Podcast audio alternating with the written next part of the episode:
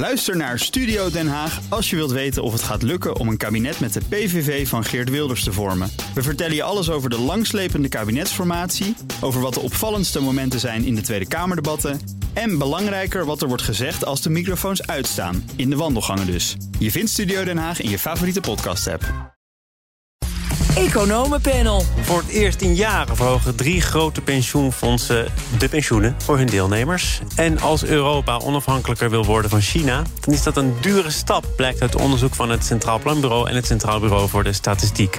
Dat en meer bespreek ik in het Economenpanel. En daarin zitten Menno Middeldorp, hoofd van Rabo Research, en Harold Benink, hoogleraar bankwezen en financiering van de Tilburg University. Fijn dat jullie er zijn. Goedemiddag. Laten we maar met dat andere onderwerp beginnen, namelijk eh, de ECB verwacht niet dat de eurozone een periode van stagflatie zal doormaken, zoals in de jaren 70. Blijkt uit het laatste onderzoek van de centrale bank. Er is eh, sprake van stagflatie, hoef ik jullie niet uit te leggen, maar voor de volledigheid, als de economie stagneert en er toch wel sprake is van een sterk oplopende inflatie. Uh, snap jij dat de ECB toch probeert om de geest een beetje terug de fles in te duwen? Gebeurt dat op deze manier? Nou, kijk, zij hebben natuurlijk een mandaat om inflatie, lage inflatie te creëren, 2% inflatie. Ja, en dat betekent, um, als je jezelf serieus neemt en denkt dat je je doelen gaat bereiken, kan je niet gaan zeggen van, oh, we denken dat, er dat de inflatie heel hoog blijft. Want dan moeten ze daar iets aan doen om te zorgen dat het weer omlaag gaat. Dus dat is, ja. Maar de ECB heeft geen geweldig track record als het gaat over het voorspellen van inflatie, toch? Voorspellen niet. Uh, als je kijkt naar de. Voor de crisis hadden ze netjes gemiddeld 2%. Hè. Uh, daarna is het wat moeilijker geweest. Toen is het steeds te laag geweest. En ja, nu is er natuurlijk een tijdje nu dat het juist veel te hoog is. Uh, ja, het, is het, het inflatie besturen is moeilijk. Maar het is wel de doelstelling. Het is wel waar je voor staat. Dus je kan moeilijk gaan zeggen van ja, ik ga mijn doelstelling niet halen. Je kunt, je kunt moeilijk afwijken van je taakstelling van wat er in de statuten staat. Dus je bent ook wel verplicht om ongeveer deze boodschap de wereld in te slingeren. Nou ja, wat we zien is dat natuurlijk de Europese Centrale Bank, waar veel minder agressief is geweest met het verhogen van rentes dan bijvoorbeeld centrale banken in het Verenigde Staten en het Verenigd Koninkrijk.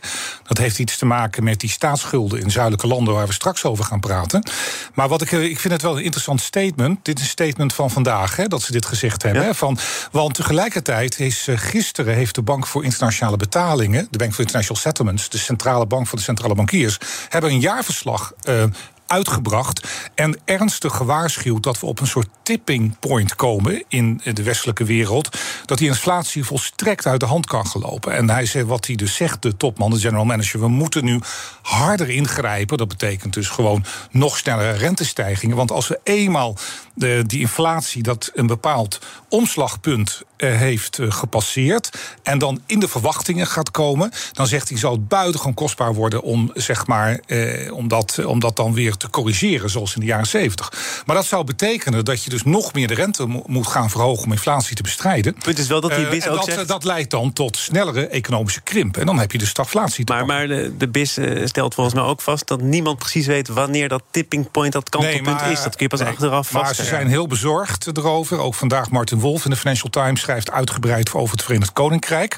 Uh, wel, he, over een soort stagnatiescenario. Dus het wordt de zorg. Kijk, we zitten natuurlijk, wat zitten we op? Ruim 8% in de eurozone. We gaan, niet, we gaan afgelopen maand van 8,1 naar 8,4.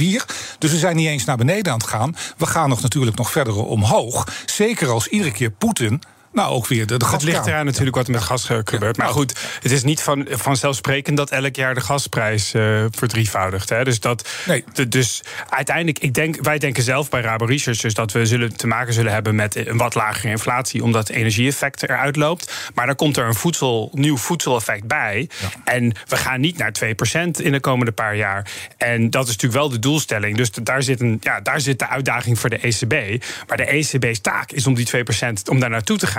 Dus ze kunnen niet gaan zeggen van nou wij, wij gaan inflatie, eh, de stagflatie laten gebeuren. Maar de BIS zegt volgens mij met zoveel woorden, Harold, eh, wat er nu gebeurt is niet eh, goed genoeg. Er is echt actie nodig omdat het anders uit de hand gaat lopen. Nou ja, goed, dat is, dat is één kant van de risicospectrum benadrukken. Hè? Want natuurlijk het probleem dat de ECB heeft, is als ze heel hard op de rem trappen. En het blijkt inderdaad dat die inflatie toch sneller maar gaat. Dat ze dan eigenlijk de economie wellicht in recessie duwen. Dan heb je misschien geen stagflatie, maar wel recessie. En dat is precies de situatie waar ze jarenlang proberen uit te komen. Van dan, dan komen ze heel snel weer in die, diezelfde fuik waar ze, waar ze tegen gevochten hebben. Dat is de vrees. Nou, denk ik ook wel hoor, dat zoals dingen de laatste tijd zijn ontwikkeld, dat dat risico van een, in, een, een langdurige inflatieproces op gang brengen, dat dat risico nu wel de acute risico is. En dat ziet de ECB denk ik inmiddels ook wel. Daarom zijn ze aan het bewegen. Maar ja, dat, dat, heeft dan ook met die, met die staatsschulden van een aantal zuidelijke landen te Ik denk dat we daar straks over gaan nou, praten. Dat komt steeds dichterbij. Ja, dat uh, komt steeds dichterbij. Maar Menno, het kan natuurlijk op twee manieren. Kijk, op het moment dat je de rente te hard omhoog brengt, als de ECB dat zou doen, dan kun je een economische krimp eh, zeg maar, creëren. En ook de stagflatie, inflatie en economische stagnatie. Maar als je het dus niet doet en die inflatie gaat naar 10, 12 procent... dan ontstaat er zo'n koopkrachtverlies. Wat je nu al ziet, hè, dat woonboulevards en heel veel bedrijven zeggen... Ja, ja, mensen willen nog wel op vakantie, maar meubels kopen, grote uitgaven... daar zijn mensen dus nu al op aan het interen, naar beneden aan het brengen. Dat betekent ook minder economische vraag. Dus aan bij, via beide kanten zou je er kunnen dus, komen. Zou je dus, en, ja. en, en natuurlijk als je inflatie laat ontsnappen... en het echt permanent hoger dreigt te worden, dan moet je op een gegeven moment ingrijpen als centrale bank. En dan heb je misschien veel later een groter probleem. Dus dit zijn allemaal dilemma's. Het is niet makkelijk. Hè? Ehm, maar overigens, vanuit Rabo Research bekeken, wij denken überhaupt dat we in een stagflatiescenario terechtkomen. In de zin dat we denken dat we waarschijnlijk 4% inflatie hebben. En een kleine recessie volgend jaar. Dus ja, dus uh, in die zin zijn we het niet helemaal met de ECB eens qua voorspelling in ieder geval. Ja, maar het gaat om de mate waarin. Hè? En we hebben natuurlijk gezien in de jaren 70 heeft het natuurlijk langer geduurd. Hè? Ja. Olieprijsverhoging 1973, 1979. Toen hadden we ook in Nederland gewoon een inflatie van uh, 10% De Staten Nederlanden betaalden op de obligatie 12, 3 kwart procent. Dat kunnen we ons allemaal niet meer voorstellen. En toen is dus in Amerika in oktober 1979 Paul Volcker, de, de voorzitter van de Amerikaanse Centrale Bank, de Fed, heeft toen dat monetair beleid omgegooid. En dat is toen heel hardhandig gegaan. Met een schok. Met een schok, de schok, een schok om, om natuurlijk. Uh, zeg maar. Je krijgt hem wel een recessie naar je Ja, nee, maar er zijn weinig mensen die dat kunnen zeggen. Nee, de volkerrecessie. De volkerrecessie. Die zuidelijke lidstaten, Harold, ik heb het idee dat jij daar graag wat over wil zeggen. Uh, dat is natuurlijk ook niet zonder reden, want uh, de renteverhoging werd aangekondigd in Amsterdam inmiddels twee weken geleden. En er werd al gedacht, nou, er moet toch ook iets komen voor die zuidelijke lidstaten. Een speciaal instrument wellicht. Misschien horen we daar wat over in de persconferentie van Lagarde. Dat moment bleef uit. Vorige week kwam eh, dus ECB alsnog bij elkaar in een spoedzitting om dan toch nog iets te presenteren. Een instrument. Maar wat dat instrument precies is, om ervoor te zorgen dat ook zuidelijke lidstaten uiteindelijk eh, nou, niet al te veel gaan, gaan betalen, de rente niet al te zeer oploopt, de spread met Duitsland en Italië uit de hand gaat lopen. Wat er nou precies al is uitgebroed, het is mij nog onduidelijk. Ja, ja. en ze zijn al, blijkt nu. Uh, afgelopen week heeft uh, een monetaire en financiële denktank in Londen, die onder leiding staat van David Marsh, oud-correspondent van de Financial Times. Uh, die was ook in, bij de onderhandelingen over het verdrag van Maastricht in december 91 in Maastricht aanwezig. Was ook heel close met Ruud Lubbers. Die had een fantastisch verhaal hierover, waarin hij ook beschrijft dat heel veel dat ze binnen het euro eurosysteem al maanden bezig zijn om eigenlijk met dat dilemma. Want het is natuurlijk heel duidelijk, als je dus op de, de rente fors omhoog gaat brengen. Hè, ik zag, hoorde hier laatst ook uh, Klaas Knot bij jullie in de uitzending, bij Paul van Liemt. Die zei 2% stijging, dat is no regret. Dus dat gaan we sowieso doen. Maar we moeten misschien wel verder. Als je dus enerzijds de rente heel erg op die staatsschulden omhoog gaat brengen. Um, en tegelijkertijd zegt dat we het, de opkoopprogramma's die hebben gehad om natuurlijk, we kunnen het bijna niet voorstellen, om het deflatierisico te mitigeren. Begin 2015 hadden we prijsdaling van 0,5 procent. Toen kwam Mario Draghi met het grote opkoopprogramma. En dat was mooi. Dat was niet alleen het opkoop van de staatsschuld van Italië, maar ook van Nederland en Duitsland. Nou is dat pandemisch programma overheen gekomen. Nou, dat wordt nu allemaal stopgezet. Althans, netto mag de ECB dat niet uitbreiden. Het kan nog wel zo zijn dat als obligaties worden afgelost, dat ze dat gaan herbeleggen. Maar die financiële markten die zeggen: ja, maar jou, als je dus die financieringslasten voor landen als Italië zo de lucht ingaan. En je zegt tegelijkertijd als ECB: we trekken onze handen ervan af. Van zeg maar om support te kunnen geven aan die markten voor de staatsschuld. En Italië is natuurlijk een enorme, hè, die is door corona nog verder 100, uh, gestegen, 155% nationaal inkomen. Nou, Griekenland zit zelfs naar richting de 190% Dus die zien die fragiliteit. En nou was de vraag natuurlijk: hebben die Ehm, de Governing Council van de ECB, toen ze hier in Amsterdam waren op 8 en 9 juni, hebben ze daar niet over eh, gesproken? Ja, natuurlijk wel. Ze zijn er al maanden mee aan het voorbereiden, maar wat er gebeurt, is dat ze het nog niet eens zijn. Nou, en toen gingen dus natuurlijk naar, waren de markten uh, teleurgesteld na de persconferentie Amsterdam. En zes dagen later, op 15 juni, kwam er dus een spoedvergadering, een videospoedvergadering van de ECB, waar Lagarde, dus de president, aankondigde dat ze nu wel uh, met iets willen komen. Maar wat heeft ze nou aangekondigd? We nou, willen met iets op zoek. We zijn op zoek. Um, zoals je weet, ik ben voorzitter van die Europese groep van hoogleraren, het Europees Schakelcomité. Wij zijn een uh, paar dagen na die meeting in Amsterdam eh, bij elkaar geweest in Zweden. En wij hebben dus een statement uitgegeven over toenemende fragiliteit in de eurozone, tijd voor beslissende actie. En een van de dingen die wij voorstellen is om een bestaand iets te activeren, namelijk het Outright Monetary, Monetary Transactions programma. Ook nog uit de tijd van Draghi. Ja, nou, dat mhm. is de formalisering van de uitspraak van whatever it takes. En wat het betekent dat een land als Italië dan dat de ECB dan de staatsschuld van landen als Italië en Spanje en dergelijke zou kunnen opkopen, mits het land ook dan een geloofwaardig pakket heeft van economische hervorming en budgettaire discipline. Wat ze niet alleen met de Europese Commissie moeten afspreken, maar ook met het Europese noodfonds, het ESM. En daar wringt het natuurlijk, mhm. want dat was het stigma van Griekenland. En wij noemen het nou OMT Light, omdat het namelijk niet zo is dat het ESM nood, noodkredieten gaat geven aan Italië. Want Italië heeft gewoon nog toegang tot de financiële markten. Maar het is gewoon bedoeld om die risicopremies op die staatsschuld ten opzichte van Duitsland niet eh, zeg maar binnen redelijke marges te houden de, het, de uitdaging is kan je een conditionality, eh, dus een, een, een eisen neerleggen, die, waar de markt van gelooft dat het acceptabel is voor, uh, voor, de, voor de zuidelijke landen, en met name Italië. Um, daar, daar, wat, wat eigenlijk wat je wil weten uh, als, als markt, is van dat er een backstop is, hè, dat er op een gegeven moment um, uh, de ECB liever eerder dan later in actie komt onder welke voorwaarden dat gebeurt. En dat het dat voldoende is om te zorgen dat die rentes niet uit, uh, uit controle raken. En, en uh, Italië en andere Zuid-Europese landen, maar het gaat vooral over Italië, um, niet in de problemen komt. En de vraag is, als jij nu zou zeggen, bijvoorbeeld, we gaan de ESM-achtige uh, eisen gebruiken, die zijn waarschijnlijk te zwaar. uh, dus je moet denk ik niet alleen iets doen aan dat de ESM niet daadwerkelijk wordt ingezet, maar ook aan een, eisen, een eisenpakket neerzetten die zeg maar een beetje tussen wat de ESM zou vragen en iets dat niks is. Ja. Uh, die, dat, dat moeten ze zien te bereiken. Zeker, wij noemen dat OMT Light. Dus dat je dan met het. Dus het is omdat er niet kredietverlening vanuit het ESM plaatsvindt. Hè, en landen als Italië hebben natuurlijk ook al een soort pakket, een programma met de Europese Commissie als, als deel van het corona-herstelfonds. Next Generation EU moet je, dat is niet alleen investeringsprojecten, maar dat gaat ook even economisch beleid. Nou, misschien moet je dat dan wat, wat scher, iets verscherpen. Hè? Dat be, en dus dat moet je, je moet er ergens tussenin zitten, dat ben ik met je eens, Menno. En als het dan niet kan via de ESM-route, dat, dat, wat is, dat is de bestaande uh, iets wat je kan gebruiken, dan zul je misschien een ander opkoopprogramma moeten ontwikkelen. Maar dat er iets moet gebeuren is evident, want rentes nu fors omhoog brengen en je hebt geen backup uh, met die staatsschulden van zwakkere landen met hoge schulden, dan ben je eigenlijk een eurocrisis aan het creëren. En, en zeggen dat je iets gaat doen, hè, dat instrument van Draghi is uiteindelijk ook nooit toegepast, nooit gebruikt. Hè? Is dat niet ook al voor een deel voldoende?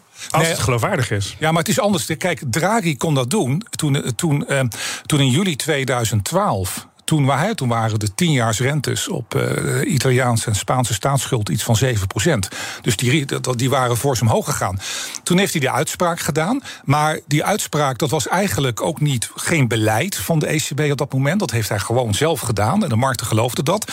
Maar toen, twee maanden later, is dat geformaliseerd in een regeling. Dus je kan, als je dus dit nu wil doen, hè, dus dat je zegt, nu weten de markt ook, ja, maar als de ECB dat wil doen, de Italiaanse staatsschuld opkopen, dan moet er wel iets van een bepaald pakket liggen met het ESM.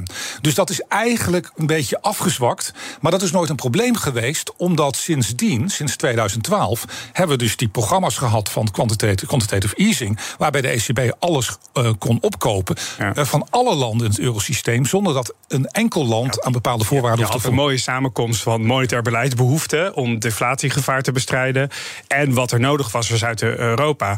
En dat is natuurlijk nu precies het omgekeerde. En dat is precies waarom het zo wringt op dit moment. Maar ik denk dat niemand in de markten of in, in, in, in denk ook bijna niemand echt in economenland echt denkt dat als het puntje op paaltje komt, dat de ECB of, de, of Europa uh, zeg maar dit uit laat lopen in een schuldencrisis waardoor de euro fragmenteert. Maar hoe ver laten ze het komen en hoe hoog lopen die spreads op? Maar dat, dat, zou, dat zou je voordat je hier iets zinnigs over zegt, toch wel heel helder in kaart moeten brengen of daar iets over afspreken. Dit is voor ons nog acceptabel. Daarbuiten. Ja, maar het kan natuurlijk een self-fulfilling prophecy worden als eenmaal die. Hè, dus als de hè, wat was het? De risicopremie op Italiaanse staatsschuld ten opzichte van Duitsland was al uh, 2,4 procent, 240 ja. basispunten. Maar er is nog een andere dimensie die achter zit, wat ik ook in Italië hoor, waarom ook een aantal mensen in Italië graag zo'n soort gestructureerd pakket willen hebben met de commissie en met het ESM over hervorming en dergelijke. Omdat iedereen buiten, iedereen is nu natuurlijk blij dat Mario Draghi, die nu, hij is nu premier van Italië, maar er komen begin volgend jaar verkiezingen aan. Nou, en dat kan van alles gebeuren. Het kan best zijn, het is ook best waarschijnlijk dat Draghi niet terugkomt.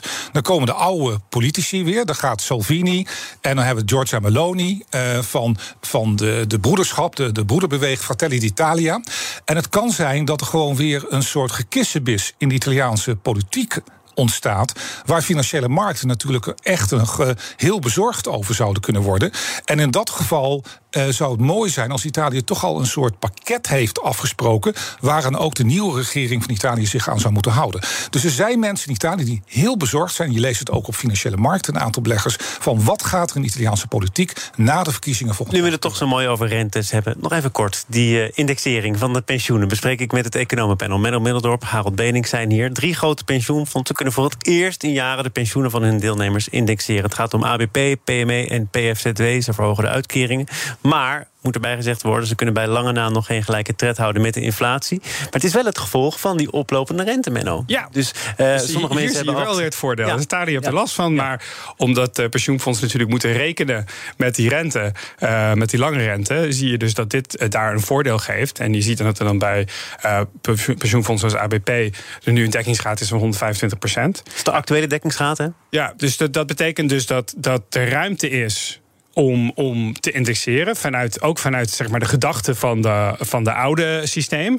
En ze zelf, omdat we een beetje voorschot hebben genomen op het nieuwe systeem, is er, is er nu nog wat meer ruimte zelfs. Dus de vraag is: wil je die ruimte gebruiken? En het dilemma daar voor de pensioenfondsen is dat we straks gaan met een transitie in naar een nieuw pensioensysteem. Met, met of individuele potjes of potjes die per generatie werken eigenlijk.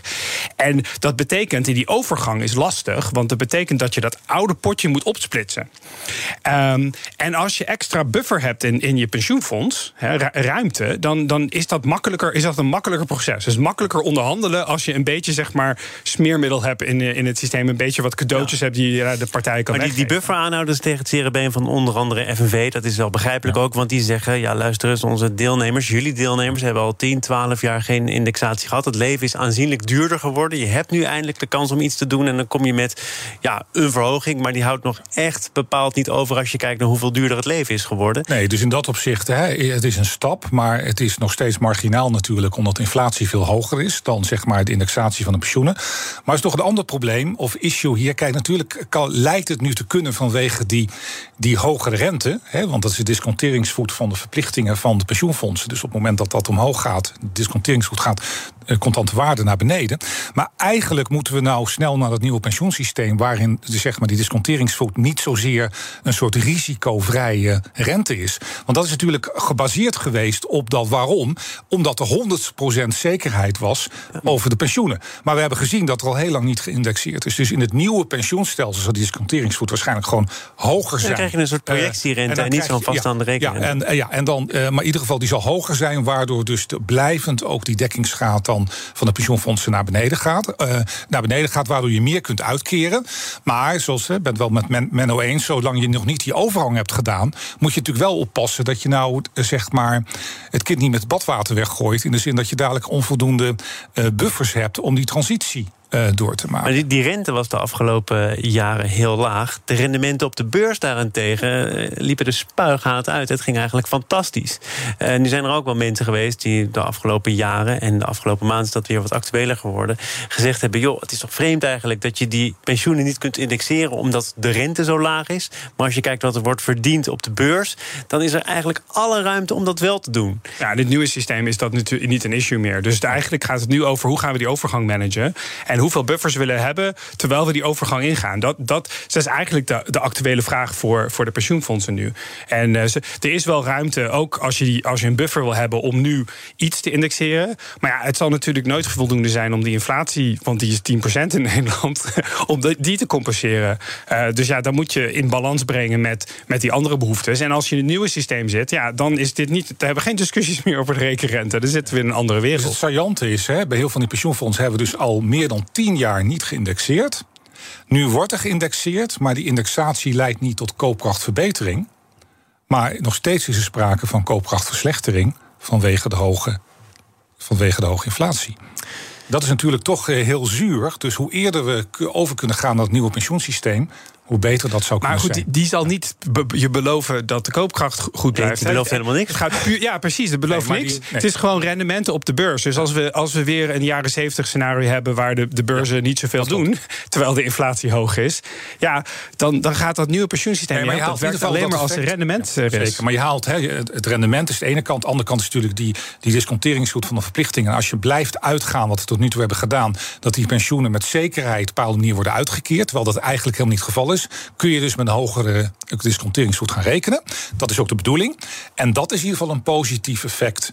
Dat, uh, dat de pensioenen meer kunnen gaan uitkeren. Of ze dan nog steeds, als je hoge inflatie hebt, dat kunnen compenseren, is natuurlijk onduidelijk. Ik dank de leden van het uh, economenpanel, Menno Middeldorp van uh, Rabo Research en Harold Benink, hoogleraar bankwezen en financiering aan de Tilburg University.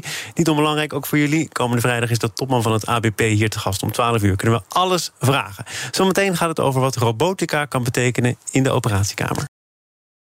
Ook Hugo Reitsma vind je in de BNR-app. Superhandig die BNR-app. Je kunt alle programma's live luisteren, breaking nieuwsmeldingen. Je blijft op de hoogte van het laatste zakelijke nieuws. En je vindt er alle BNR-podcasts, waaronder natuurlijk de belangrijkste, Boeken zijn in de wijk.